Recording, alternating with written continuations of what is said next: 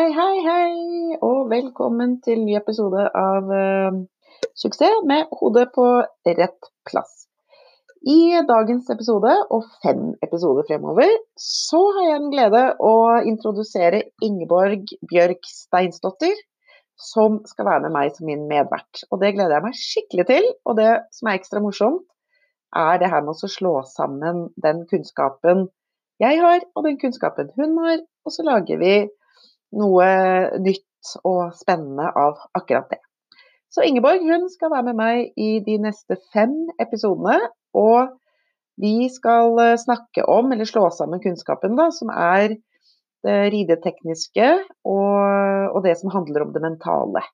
Og den, den um, kunnskapen jeg har, og den kunnskapen hun har, det blir ofte noe som, som egentlig glir veldig i hverandre, som både Ingeborg opplever når hun er ute og underviser, og som jeg opplever når jeg får mine, mine kunder som kommer til meg med ulike mentale utfordringer, så er en av utfordringene alltid det ridetekniske. Og for å si litt mer om Ingeborg, hun er en hestedame tvers igjennom. For hun har vokst opp og fått hest inn med morsmelka. Hun har vokst opp på en eh, stor hestegård i Nord-Østerdal. Og for henne så ble det jo da helt naturlig å utdanne seg innenfor hest. Og kanskje enda mer naturlig da å søke til Island. Hun har vokst opp med islandshest, og hun er halvt islandsk selv. Og på Island der har de et universitet som heter Holar, og der tilbyr de en treårig utdannelse som går på, på hestekunnskap. Så der ble hun uteksaminert, og var vel på Island i ca. fire år før hun kom tilbake igjen til Norge. Og nå bor Ingeborg i uh, Folldal sammen med samboeren sin, og der driver de Stall Skog, som tidligere hadde tilholdssted på, på Konnerud. Og Ingeborg hun reiser rundt i Norge og har skaffet seg et godt og solid rykte som instruktør Eh, I tillegg til det så trener de hest hjemme på gården. De trener hester for salg, og de trener hester for visning. Og de avler selvsagt også egne hester, og har noen riktig fine noen. Og eh, både Ingeborg og samboer Kristin Elise rir konkurranser. Så dette er skikkelig teamwork i, og en kjempeflott ressurs for oss som bor her oppe på på fjellet. For Folldal er jo ei lita fjellbygd langt eh, eller i midten av Norge. Så eh, bare enjoy dagens eh, episode. Vi kommer til å prate litt løst og fast i, i denne første episoden, sånn at dere blir litt kjent med oss sammen. Og Eh, ja, formen på det blir uhøytidelig, og vi kommer til å snakke sånn som vi egentlig pleier å snakke når jeg er hos eh, Ingeborg og får eh, f.eks. undervisning, eller jeg eh, kan hjelpe henne med noe mentale ting, eller den type greier, så er det på en måte den formen vi har lyst til å ha denne her podkasten vår i. Så det blir ikke en veldig sånn stram, stram, form og stram stil, men mer uhøytidelig, og at vi tar opp de tingene som, som går igjen, og som både Ingeborg og jeg ofte får spørsmål om. Så I dagens episode så kommer vi bl.a. til å fortelle litt om uh, hvordan du tar en halvparade. Det er en sånn greie som går igjen, og det er ikke så rart. fordi at en halvparade er jo noe som går veldig ofte igjen i ridningen vår. I forhold til å få balansert hesten og få den, få den uh, oppmerksom. Uh, men vi snakker også mye annet forskjellig. Så join us, hopp inn, og god lytting!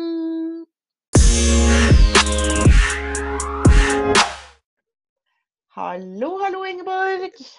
Hallo.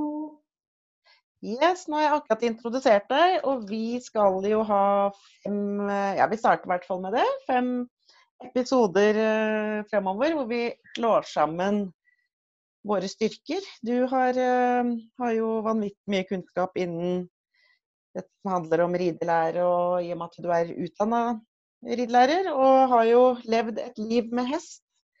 Og, mm. og, jeg har kanskje mer den biten som går på dette her mentale, som vi utfyller. Da syns jeg vi utfyller hverandre veldig bra, jeg. Ja. Det Jo, helt enig. Helt enig. Ja, det er bra. Vi snakka litt om før jeg trykka på record dette her med hva som, um, som driver deg. For at det, det, ikke sant, i og med at du, du har jo en gård hjemme, og der hvor du både avler og du har masse hester og treningshester og salgshester og forskjellig. Men allikevel så reiser du rundt i Norge og instruerer. Og du sa, sa jo så fint liksom, hva, hva din driver er, da, eller din, din mission. Hvorfor, hvorfor, i all verden gjør man det, liksom? Reiser rundt sånn og underviser. Ja, ja nei, nå er jeg jo veldig heldig da, som, som har muligheten til, til, å reise såpass mye rundt og, og, og instruere så mye forskjellige, ja, forskjellige, folk på forskjellige plasser. Eh, og så har jeg vært heldig og hatt så at jeg har eh, noen faste steder jeg er hos, og har vært der da i ja, tre-fire år nå nokså fast. Um, og det jeg syns er sånn uh, altså Jeg syns det er like gøy å få inn en ny rytter og ny hest. Uh, men, men, det er noe med det å kunne følge opp ja, følge opp de samme, den samme ekvipasjen da, i over så lang tid. fordi da får du sett den utviklinga så veldig tydelig og godt. Mm, mm. Både hos, altså, hos, hesten, men ikke minst hos rytteren. Det er vel kanskje der den utviklinga jeg syns er morsomst å se. Fra at de liksom syns det er kjempegøy å ri og har veldig lyst til å lære mer, men til de begynner å få den feelingen inn i kroppen og begynner å kjenne at der Nå bruker hesten seg riktig, på en måte. Nå kjente jeg det. Mm. Um, når det går opp et sånt lite lys, eller sånn, de får en sånn aha-opplevelse, det, det syns jeg er kjempe ja, kjempeålreit å se. Det er sånne gåse, gåsehudøyeblikk, det. Ja, jeg, jeg, blir veldig rørt av det. Når jeg, når jeg, og det er noen ganger det, eh, elever òg har begynt å gråte litt, for liksom de blir så glad av, å kjenne det der. Og da står vi og griner litt. Ja. og, så, og, så, ler vi litt, og så fortsetter vi, liksom. Men Ikke sant. Ja, det er koselig, da. Ja, jeg syns det er kjempe eh, Bare ved å snakke om det, så kjenner jeg liksom at jeg blir nesten litt rørt av det. Fordi jeg syns det er utrolig gøy å se det, og, og så takknemlig da, for at jeg kan være med på, på si, den utviklinga, eller få lov til å se på og, og hjelpe til med den. Mm. Det syns jeg er kjempe. Mm. For det er jo noe med, tenker jeg, sånn når man, når man holder på med hest Jeg driver jo mer på mitt uh, hobbybasis og syns jo det er fantastisk, men det er jo noe med når du når den butter imot Altså det er, altså, og, det, og, da liksom klare å fortsette, så er det klart det å ha en instruktør som er som kommer jevnlig mm. og er dedikert, det er jo absolutt Det er gull verdt for sånne som, uh, sånne som meg og flere med meg, da, som, som um, ja, som sliter og holder på og rir og, og, har kanskje ikke alle løsninger, for vi rir jo ikke så mye, ikke sant. Og så kommer heldigvis dere som har litt mer i ryggmargen da, og liksom ja, ja. viser oss vei. Ja, ja, det, er, ja det, er jo også det, det, det, finnes jo så mange forskjellige instruktører eh, i Norge som, som, holder på på samme måte som meg. Um, så det er jo først og fremst bare viktig å finne, finne den instruktøren man, man, føler seg trygg på. Da. At det, er liksom fordi det, det jeg begynner med å si uh, når, når, det kommer en ny elev, så, så, begynner jeg med å snakke Vi bruker mye tid, jeg bruker en del tid eh, i starten på å bare snakke om da hesten og hva rytteren ser for seg, hva den rytteren vil ha ut av den ene timen da, eller den helga jeg er der. Og da er det som regel to timer, eller, eller noen ganger er det tre dager. Um, sånn at vi bruker mye tid på jeg bruker mye tid på å snakke med dem litt godt først, for at vi er enige om hva rytteren ser for seg. Mm. Um, sånn at ja, det, det, er kjempeviktig å bare finne en man føler at man kan spørre om hva som helst til. Da, og, og um, føle at det ikke er noe som er dumt eller feil å spørre om. Fordi ja.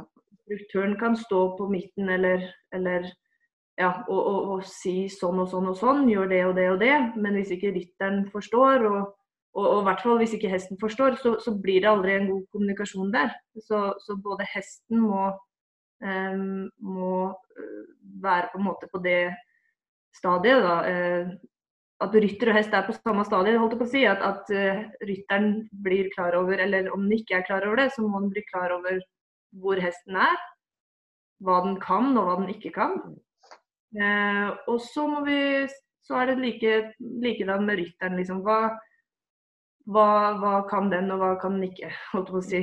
Eh, det, altså, det, er jo lettest for eleven å si det her kan jeg, det her kan jeg ikke. Um, så er ofte så går vi jo bare helt til basic på en måte, og går gjennom det helt grunnleggende, som ja, bare ofte start og stopp. Uh, og så går jeg over mye sits. Men, men, uh, men, ja, som jeg begynte med å si, at uh, den tilliten den tror jeg er kjempeviktig. Og, og, om man ikke føler den kjemien med instruktøren sin, som man kanskje er redd for ja, si to, tre, fire, fem ganger eller et eller annet, og prøvd, og hvis man fortsatt ikke føler at man sitter igjen med noe Det er ikke det at uh, alt skal skje på to timer, men, men, det er så viktig med den kjemien, da. Mm. For det er jo litt det vi, vi Ja, dette her vi å prate om i dag, det her med som går på på den tillitsfulle relasjonen. Men, og det har du sagt litt om nå, så jeg tenker det du starter med alltid da, er jo en sånn ekvipasjeanalyse på et vis, da. Ja, ja, jeg gjør det alltid nærmest. Og så jeg stiller spørsmålet hva vil du ha ut av den timen her, eller de, den helga her. Hva vil du ha fokus på? Og så har de som regel tenkt ut uh, et eller annet um, som de har kjent på sjøl. Um, og, og, så, snakker vi litt om det, og så, og så ser jo jeg da på hesten og rytteren sammen. Og så kan det hende at jeg ser at andre ting burde på plass før. Mm. F.eks. Um, jeg vil at hesten skal tølte bedre. Så ser jeg at uh, da så ser jeg etter at de har ridd litt rundt i hallen, holdt jeg på å si, eller på banen, at her må vi starte med litt andre ting før tølten kan bli bedre. At, og da, da, forklarer jeg veldig nøye for at tølten skal bli bedre, så må man gjøre det her og det her. Mm. Og, så, og, så, legger jeg det òg opp til at, at rytteren, eller altså eleven, da, føler at den er med på ting. At ikke jeg bare sier nå må vi gjøre sånn og sånn. Men hva tenker du om at vi prøver å gjøre det her? Eh, hva syns du om det her? Liksom? Hva har andre instruktører sagt til deg? Fordi jeg er litt opptatt av at det finnes mye, mange forskjellige instruktører, og, og, man har sine metoder og sin måte å lære bort på. Og sin måte å ri på. Men sånn, nest, sånn oftest så er prinsippet det samme. Som regel mener vi og tenker det samme om hvordan en hest skal trenes. Mm. Men man kan ha forskjellige måter å gå frem på, da. Og, det, og da vet jeg, eller da velger jeg ofte å spørre liksom, hva har du med din tidligere instruktør jobba med. Bare sånn at det ikke skal bli fullstendig kaos i hodet til dikteren. Da. Ikke sant. For det kan jo faktisk jo. Og så gir de meg et svar, og så prøver jeg da å Ja, OK, men jeg, det er det jeg mener. Jeg bare bruker andre ord. Eller vi kan prøve det, og så kan vi prøve det på den her, en øvelse på den her hesten. For den har jeg hatt god erfaring med. eller og så kan vi prøve det liksom et par ganger, og så hvis ikke det funker, så prøver vi noe annet. Så jeg er veldig sånn åpen for å ja, for å finne den veien som er, føles riktig og, og, og, ja, og ja, føles riktig for eleven. Mm.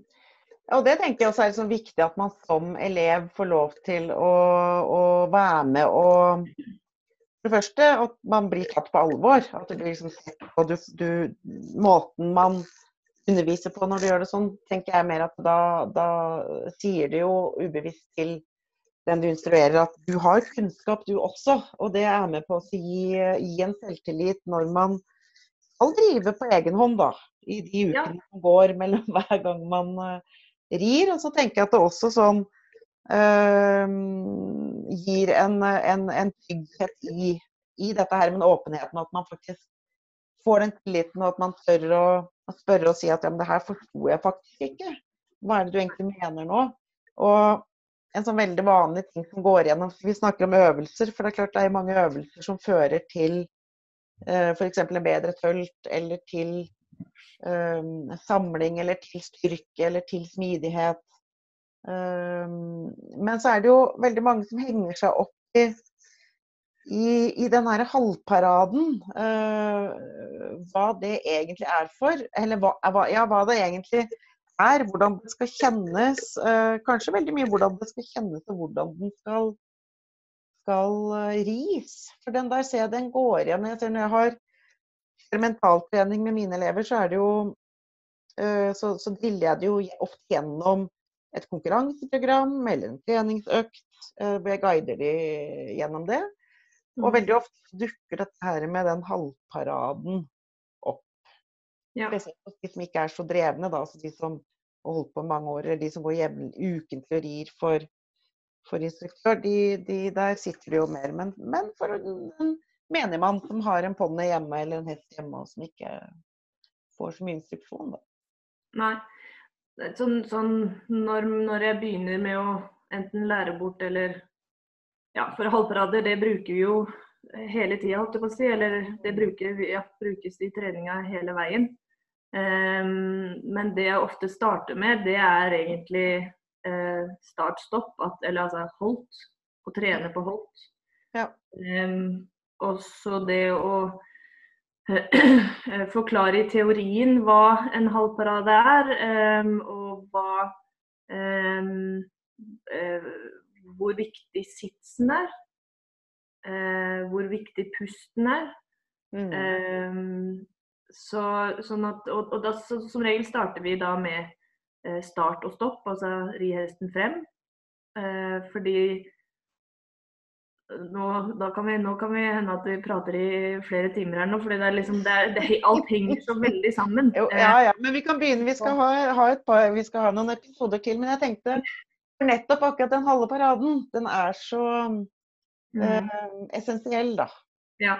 Den følelsen jeg ofte prøver å eh, fordi det er jo det vanskeligste å lære bort, er jo den følelsen. Eh, den, den, den, må de elevene, holdt på å si, eller rytteren, eh, kjenne sjøl, holdt jeg på å si. Den er det vanskelig å lære bort. Men det jeg prøver å eh, i forhold til det, da er eh, F.eks. at hesten skal Du skal føle at hesten venter, at den hviler litt i steget. Eller altså venter, eh, venter litt i steget når du har gjort de riktige, brukt hjelperne riktig. Da. Um, og, og, så er de usikre på hva skal jeg kjenne.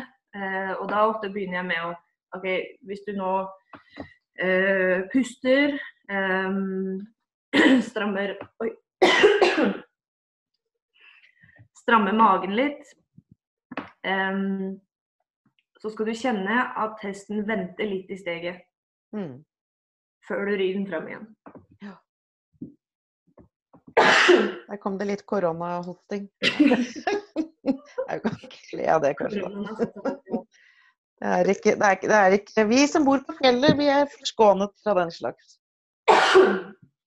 Ja, den, er, den, den har vi ikke sett her. Nei. Ok, Nei, så vi tenker på Kristin stramme inn magen litt. Ja.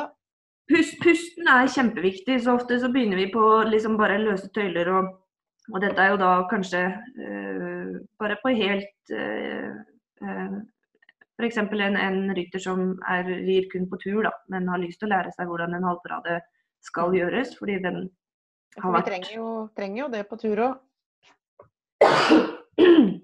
Ja. Så begynner vi ofte bare i skritt. I det, mm, først må hesten gå liksom greit fram, ha energi. Ja. Eh, og at man husker på at, eh, at, hesten går frem og hesten går fort, er ikke det samme. Nei. Jeg liker det, det der eh, Det var en ridelærer som sa til meg en gang at du skal kjenne at den liksom marsjerer fram med gode sånne Ja, sånn god marsjering, da. Kanskje han ja. sa det fordi han visste at jeg hadde vært i militæret. Ja, ikke sant. Ja, ja, nettopp. For det er noe med det å koble, koble liksom til eh, Noe kjent, ja. Noe kjent, på en måte, da. Um, uh, men hvis vi skal ta ferdig den halvparaden, på en måte, det er liksom bare den der at hesten må gå frem, og så kan man puste, stramme magen litt, og, og som regel vil man merke en eller annen reaksjon fra hesten, da, at hesten venter litt, grann, plutselig sakker litt tempo. Uh, og det er, en første, det er en start, på en måte. Det er viktig at det liksom uh, ja, det er på en måte en start på en halvparade. Og så Men for de som lurer, nå skal jeg bare avbryte. For de som lurer da, ikke sant, så har du jo øh, Tenker du da å stramme den nederste delen av magen eller øverste del av magen? når du puster? Eh, tenker du at du puster inn eh, Ja, ikke ned i magen, så magen tytter ut, men du puster bare liksom inn så det fyller seg ut i ribbeina? Ja. Og så på en måte koble på kjernemuskulaturen, egentlig, fordi den er, eh, den er aktiv, eller skal være aktiv egentlig hele veien. Mm. Eh, og de som trener eh, og tar planken, så skal du holde i to sekunder, så må du puste. Ja. Selv om du skal stramme magen og være, holdt på å si, eh, Så blir det stivt. stabil, eller så, blir det, så holder man ikke lenge. Og det er litt det samme med det her, at du skal, kjernemuskulaturen skal være i gang. og det Ofte så sier liksom, Hvis jeg snakker om stram magen og pust, og så sier folk ja, men det går jo ikke an. Jeg må jo stramme magen. Da går det ikke. Ja. Men, men eh, det er noe med bare å bli kjent, altså koble på muskler da, som kanskje ikke har vært kobla på tidligere. og så bare eh, Så det er jo en del av ja, del av den eh, følelsen de får, på en måte. da, At, de, at det å koble på muskler og kunne puste, og, og når de får det til å skli sammen, det er ofte da eh, den aha-opplevelsen kommer. Når de klarer å Mm. eh, At kroppen fungerer på en måte Mm. Men noen lurer liksom på da mm, eh, Skal man sette seg dypere ned i setet? Skal man klemme med noe overskjenkel? Skal man Det sies veldig mange ulike. Det er derfor jeg spør og graver litt. For at jeg vet at det er mange som er fryktelig fryktelig usikre på akkurat det med, med den med den der halve paraden. Da. Så det? Nå har vi skri Hesten går, går godt uh, fram i skritt. Den har uh, et avspent og fint skritt. Uh, du puster inn. Og så begynner hesten å vente. Ja. Og så er det jo igjen viktig da med uh, setebeina.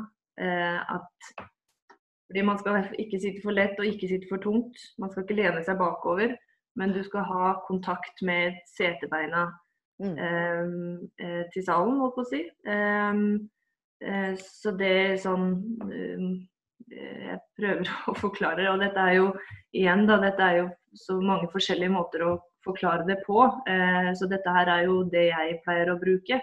Mm. Eh, men det å skyve på en måte fram hoftene litt, eller skyve frem bekkenet på en måte, sånn at man får litt mer tyngde ned i salen uten å bli tung, uten å trykke ned. Men å skyve Du skal ikke sitte på lommene, liksom, hvis du hadde hatt en uh, bukse med lommer. Det er ikke lommene Nei. du skal sitte på. Nei. Så Nei. det er liksom det der å ha den lette kontakten med setebeina, eh, Mm. og, og, og skyve hoftene frem, på en måte, da. Mm. eh, i holtet i halvparaden. Ja. Eh, og, og holdt, altså, derfor begynner jeg ofte med holdt. for å, liksom, det er der Svarer ikke hesten ordentlig for et holdt, så, så, så svarer han i hvert fall ikke i halvparaden. Uten Mm. at man må koble på tøylene og, og bruke tøylene for mye. Mm. Eh, og det er jo ofte det som skjer, at man bruker tøylene fordi at det ikke blir svar fra setet. Da. Sånn at, og det er jo sånn jeg begynte helt i starten med, eller som jeg sa i stad, er at alt er så kobla sammen at eh, fungerer ikke skjenkelen, så fungerer ikke setet godt nok. Og fungerer ikke tøylen godt nok, så fungerer ikke setet. Altså det, alt henger så veldig sammen. Ja. Um, Mm. Men det er noe med å begynne med, hva skal man si, det som er, eh, er um, det, det viktigste. Da. Og det er klart for mange da, i, i, i forhold til det at man ikke skal begynne å dra i tøyler.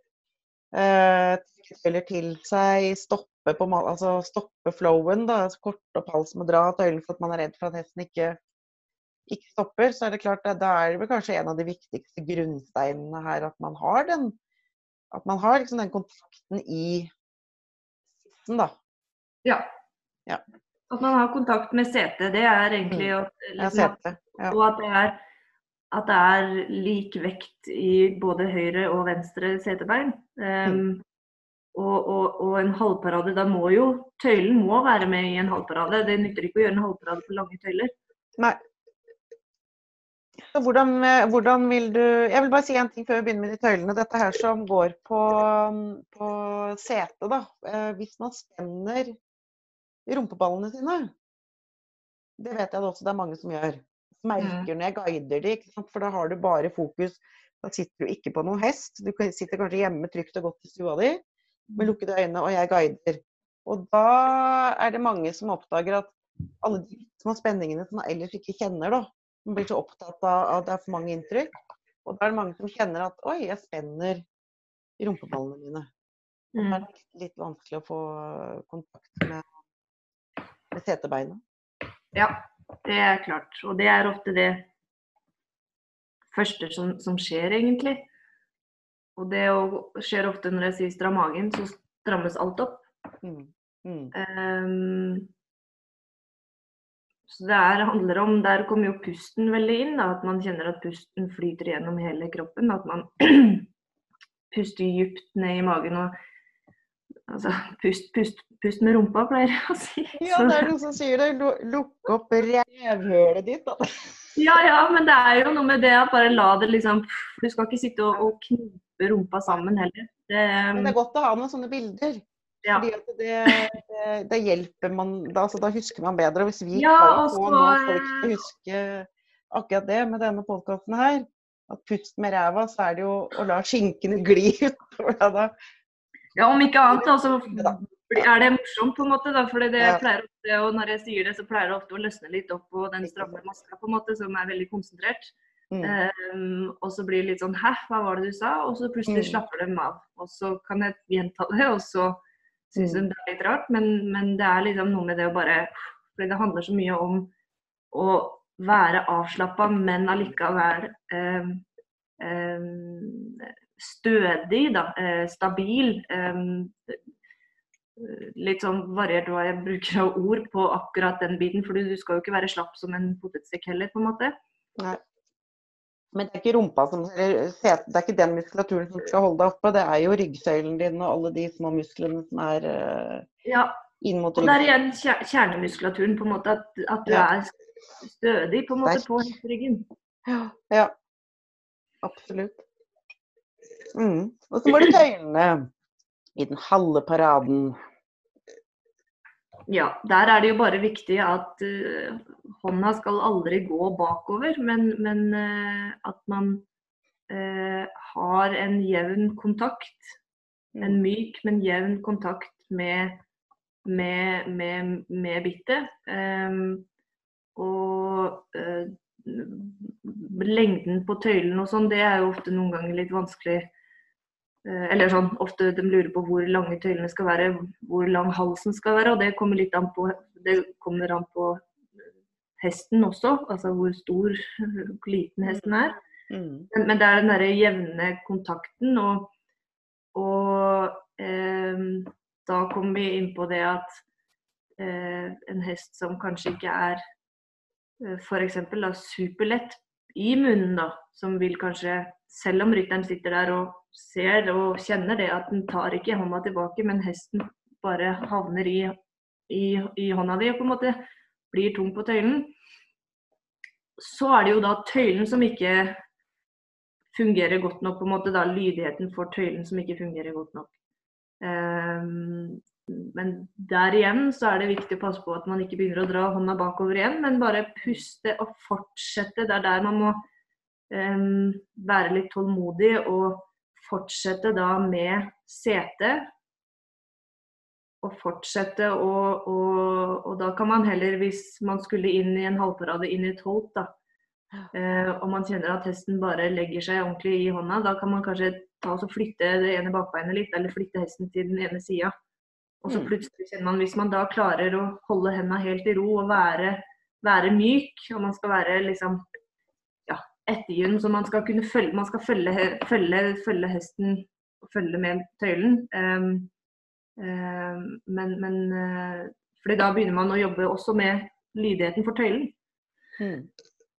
Men dette her er jo øh, nå Ja, det er jo så øh, Det er jo som jeg har sagt tre ganger nå, at det er så Alt henger så veldig sammen, da. Så, så Men jeg tror sånn som i den episoden her, da, som blir en sånn liten innledningsepisode, så blir det jo litt sånn at vi prater litt rundt, eh, rundt, rundt omkring. Men, men jeg tenker at det er veldig greit å ha fått avdekket akkurat dette her med, eh, med den halve paraden, i og med at det er liksom en sånn greie som går veldig igjen. Og den, og den eh, føler jeg kanskje ligger som et Eller og setet, da. Eh, bruken av setet. mm, Og at det der Jeg tror det er mange som Når man ikke rir profesjonelt eller trener hest, altså ikke har den mengdetreningen. Når man har denne ene ponnien sin eller hesten sin. Fordi for instruktør innimellom så er det mm, så fort gjort å begynne å legge seg til uvaner som handler om mer ekstremitetene, som heter. Altså det som blir ytterst på kroppen, da. Som blir armer som peiver hit og dit, og, og tenkler mm, som det brukes for mye at man glemmer liksom litt å komme seg inn i, i kjernen, da. Inn i det koblingspunktet, på en måte, syns jeg kanskje at setet virker som en sånn øh, Hvis man tenker en girkasse som kobler, kobler, to ting sammen, så er det på en måte Ja, helt klart. Helt klart. Litt. At man glemmer det litt. Og så tenker jeg òg en ting som er viktig å si, og det er dette her med Når man heller ikke rir så mye, så blir man La oss si at man har en ganske stillesittende jobb, da. Mm. Eh, så blir man eh, Ja, man blir litt stivere, og man får kanskje ikke eh, den, den muskulaturen som man bruker når man rir, den er rett og slett blitt for svak og for stiv. Mm. Så det også tror jeg det er viktig å tenke på når man, i forhold til de som ikke rir så mye, som kanskje har litt for høye krav til seg sjøl, og, og, kan bli litt irritert på seg sjøl og begynne å nedsnakke seg sjøl. Og så er det egentlig bare helt naturlig, for at man Ja, man rir ikke så mye. Og så hadde du gått én time om dagen, eller gått tre timer i uka når, den gangen du lærte deg å gå, mm. hadde man ikke blitt sånn brått veldig Altså læringskurven hadde ikke blitt sånn veldig bratt. Nei, nei. Nei, og det, altså det, første som dukker opp hos meg da, er jo, eller når du snakker om dette, er jo det å Hvor viktig det er for hver enkelt rytter, eh, uansett nivå, eh, uansett om det er ja, uh, om man skal starte konkurranser eller om man kun vil ri på tur og ha det hyggelig med hesten sin. Det er bare mm. viktig å ha en sånn formening eller et mål da, om hva Sånn at, sånn at, man nettopp ikke stiller for høye krav. Da. Eh, eh, og hvis man vil stille høye krav, så må man jo på en måte da begynne å trene litt yoga, da f.eks. Eh, mm. eller, eller, Ja, ja. ja. ja eller for, styrke den muskulaturen. Men, men det, det, ofte tar jeg òg opp hva, hva er planen med denne hesten her, på en måte. Hva er det du skal du Ja, hva vil du med den hesten her? Hva er målet?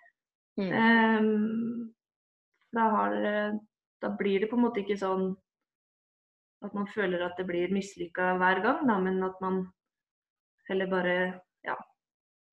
ja sånn for det er jo viktig, viktig, tenker jeg, at det her med, med, med som du sier, at det her med å lage seg noen, noen gode mål og ha en klar tanke om hva er det man egentlig vil, og hva er det liksom, hesteliv består av, og, mm. og hva, ja, hva, skal jeg med den. Men det er jo litt sånn som vi har prata om tidligere også, før vi liksom, i forkant av av at vi bestemte oss for å egentlig kjøre disse her eh, episodene her. Med, med, dette her som jo er det viktigste som ligger i bunn, da, at man øh, som instruktør og, og som, som, vi som rir, at man har en tanke om at det overordna målet uansett må være å ri hesten sin så riktig som mulig, sånn at den blir anatomisk øh, godt ridd, holdt jeg på å si. Eller ja, men det er mm. eh, også det jeg får som regel til svar òg, er det at de vil, de vil ri hesten sin på mest mulig riktig måte.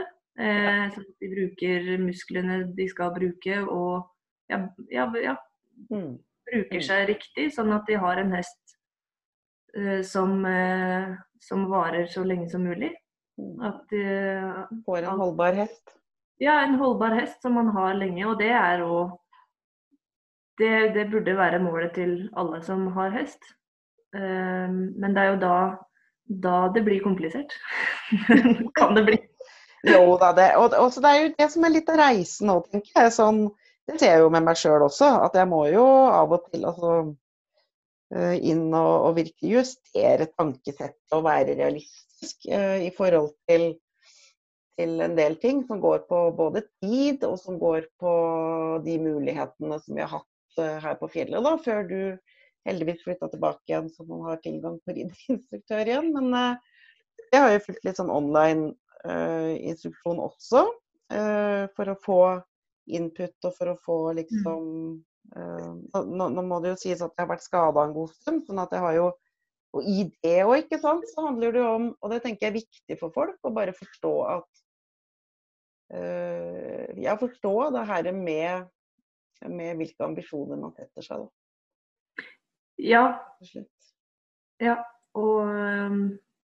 At det blir riktig. At man liksom, og da tenker jeg i hvert fall det der med at man man, eh, dette her med å ri hesten så godt som mulig, så den ikke får noen skader, ikke haltheter, som er jo blitt veldig utbredt, for at hester mm. blir ridd feil. Mm. Uh, ja. Også, også, det å ta én ting av gangen, um, på en måte. At mm. man, man Én ting av gangen, for det er så viktig at, uh, at hesten er med, og at rytteren er med. At det ikke blir for mye på en gang. Ja. Det er jo variert fra, fra, rytter til rytter og fra hest til hest, men, men eh, det er så viktig å på en måte jobbe seg igjennom og trene på det som først må trenes på før det andre kan bli bedre. Eh, og det er, det er ofte, tror jeg, at man kan bli Eller det vet jeg òg med meg sjøl òg, at man kan bli utålmodig. For man vil helst fem steg videre ganske fort. Mm. Eh, så det er viktig å liksom bare vite, eller ja, vite at det, det, det, tar tid, og, og, og det kreves uh, uh, Man må være konsekvent i det man i, det, i den treninga, eller i den jobben man gjør. Da, at det er at man har en plan, og at man følger den planen. Og, og, og igjen, ja, i forhold til instruktører, at man har en som eh, En eller flere, det, det, er jo helt opp til hver enkelt. Men noen som man kan spørre, eh, spørre, ha, ja, spørre om, om, råd og, og, kan, du se litt på den, kan du se litt på hesten min i dag?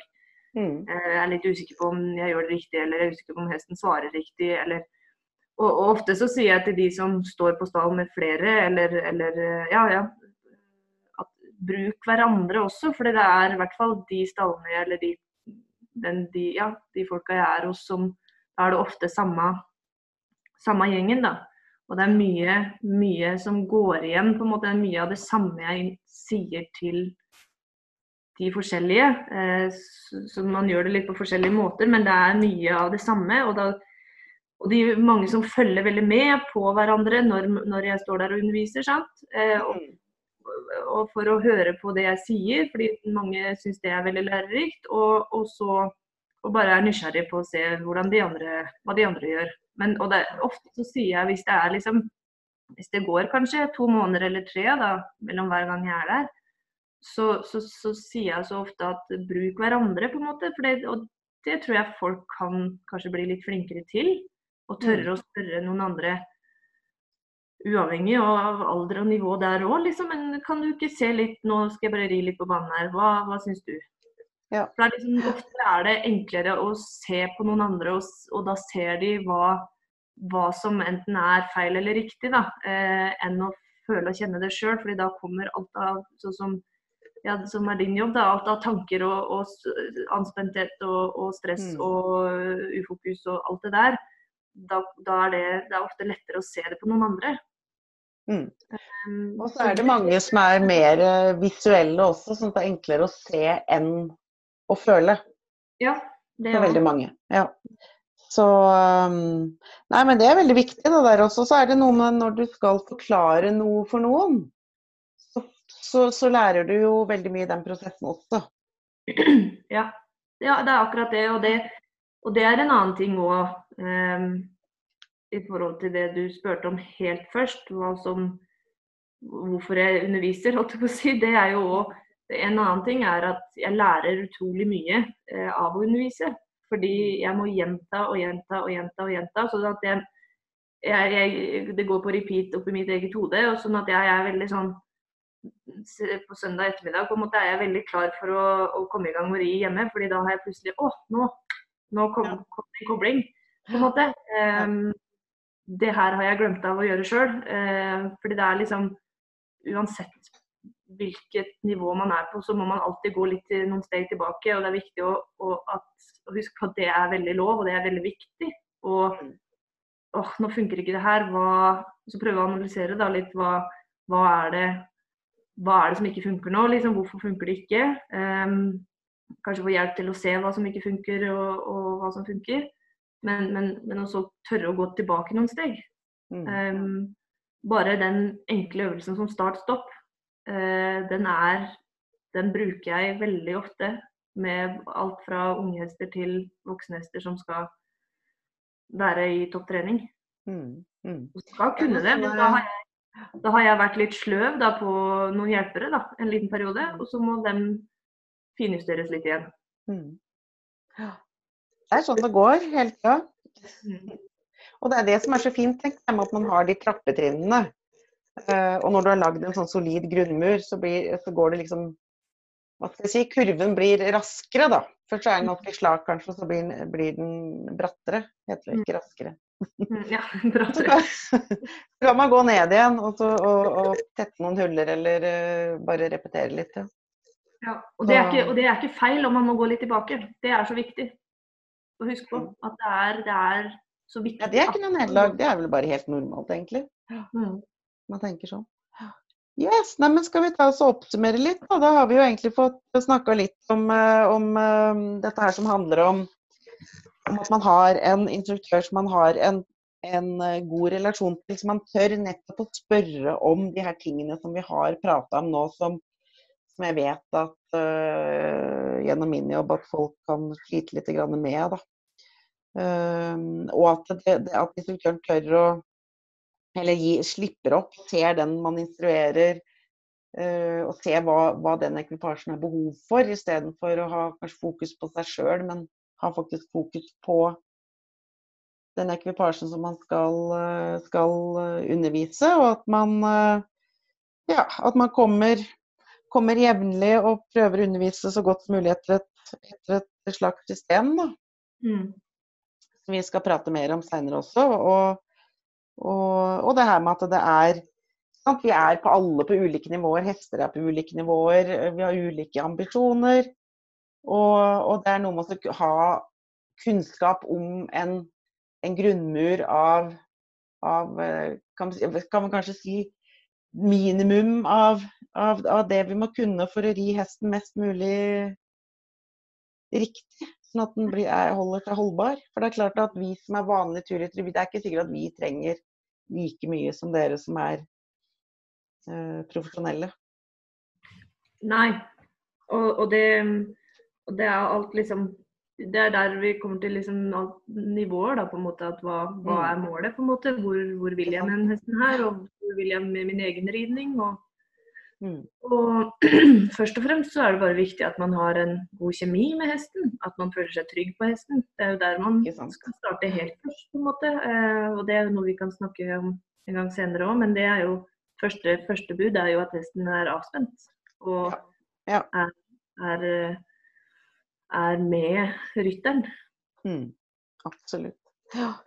Yes! Neimen, skal vi si eh, takk for uh, Takk for i dag, og vel hjem, er det ikke det å si? Takk for i dag, og vel hjem.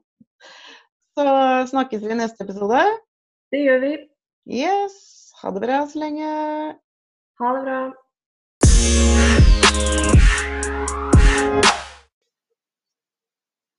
Tusen, tusen takk for at du hørte på oss i dag. Og uh, hvis du syns at du har fått noe ut av det, som du kanskje tenker at uh, andre også kan ha nytte og glede av å høre, så tips gjerne venner om eh, podkasten. Abonner på den. Og ja, hvis du likte det du hørte, så er det jo superkoselig om dere gir oss en liten tilbakemelding på det vi har snakket om. Og selv om vi har en plan på hva vi skal fylle de fire neste episodene med, så setter vi også selvsagt stor pris på å få innspill fra dere, dere lyttere. Så hvis dere har lyst til å komme med noen spørsmål eller noen kommentarer, så kan du godt legge inn det på uh, Ryttercoachen på Instagram eller uh, på Facebook. Ryttercoachen, eller du kan også gå inn i um, Facebook-gruppa 'Suksess med hodet på rett plass'. Og der legger jeg også ut litt tips og sånt noe uh, ukentlig.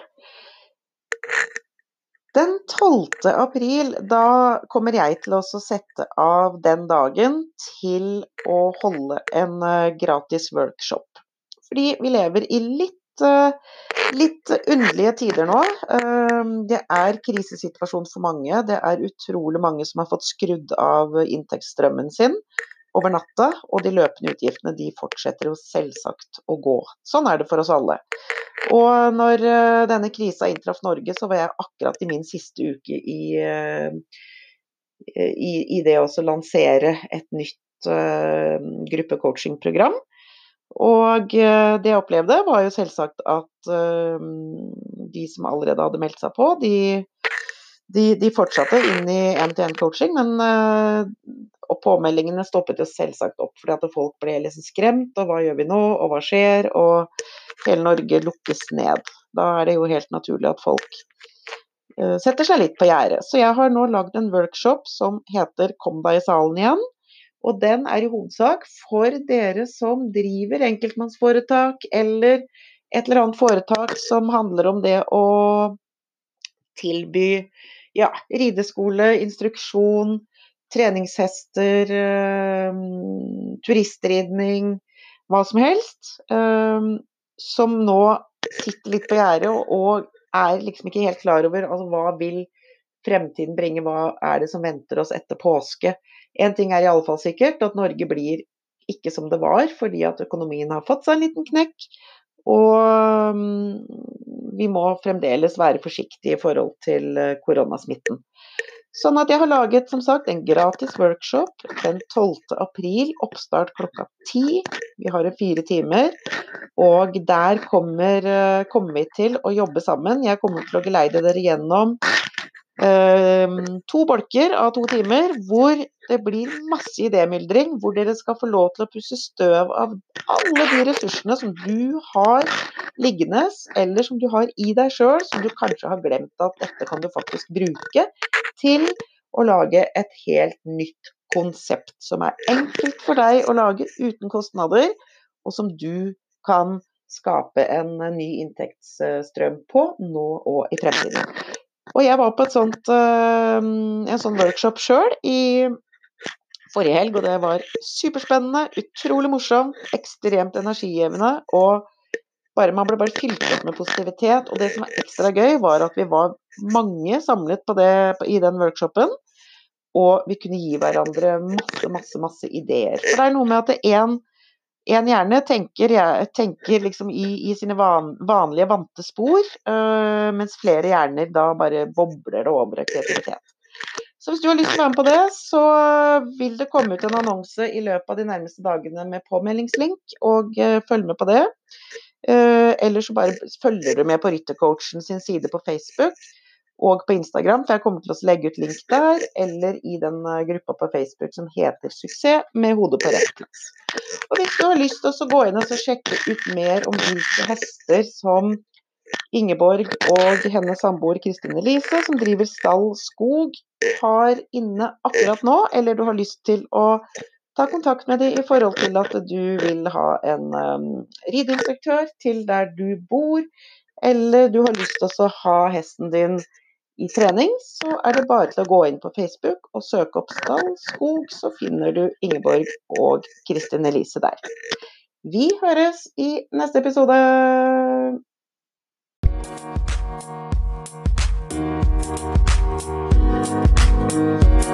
Thank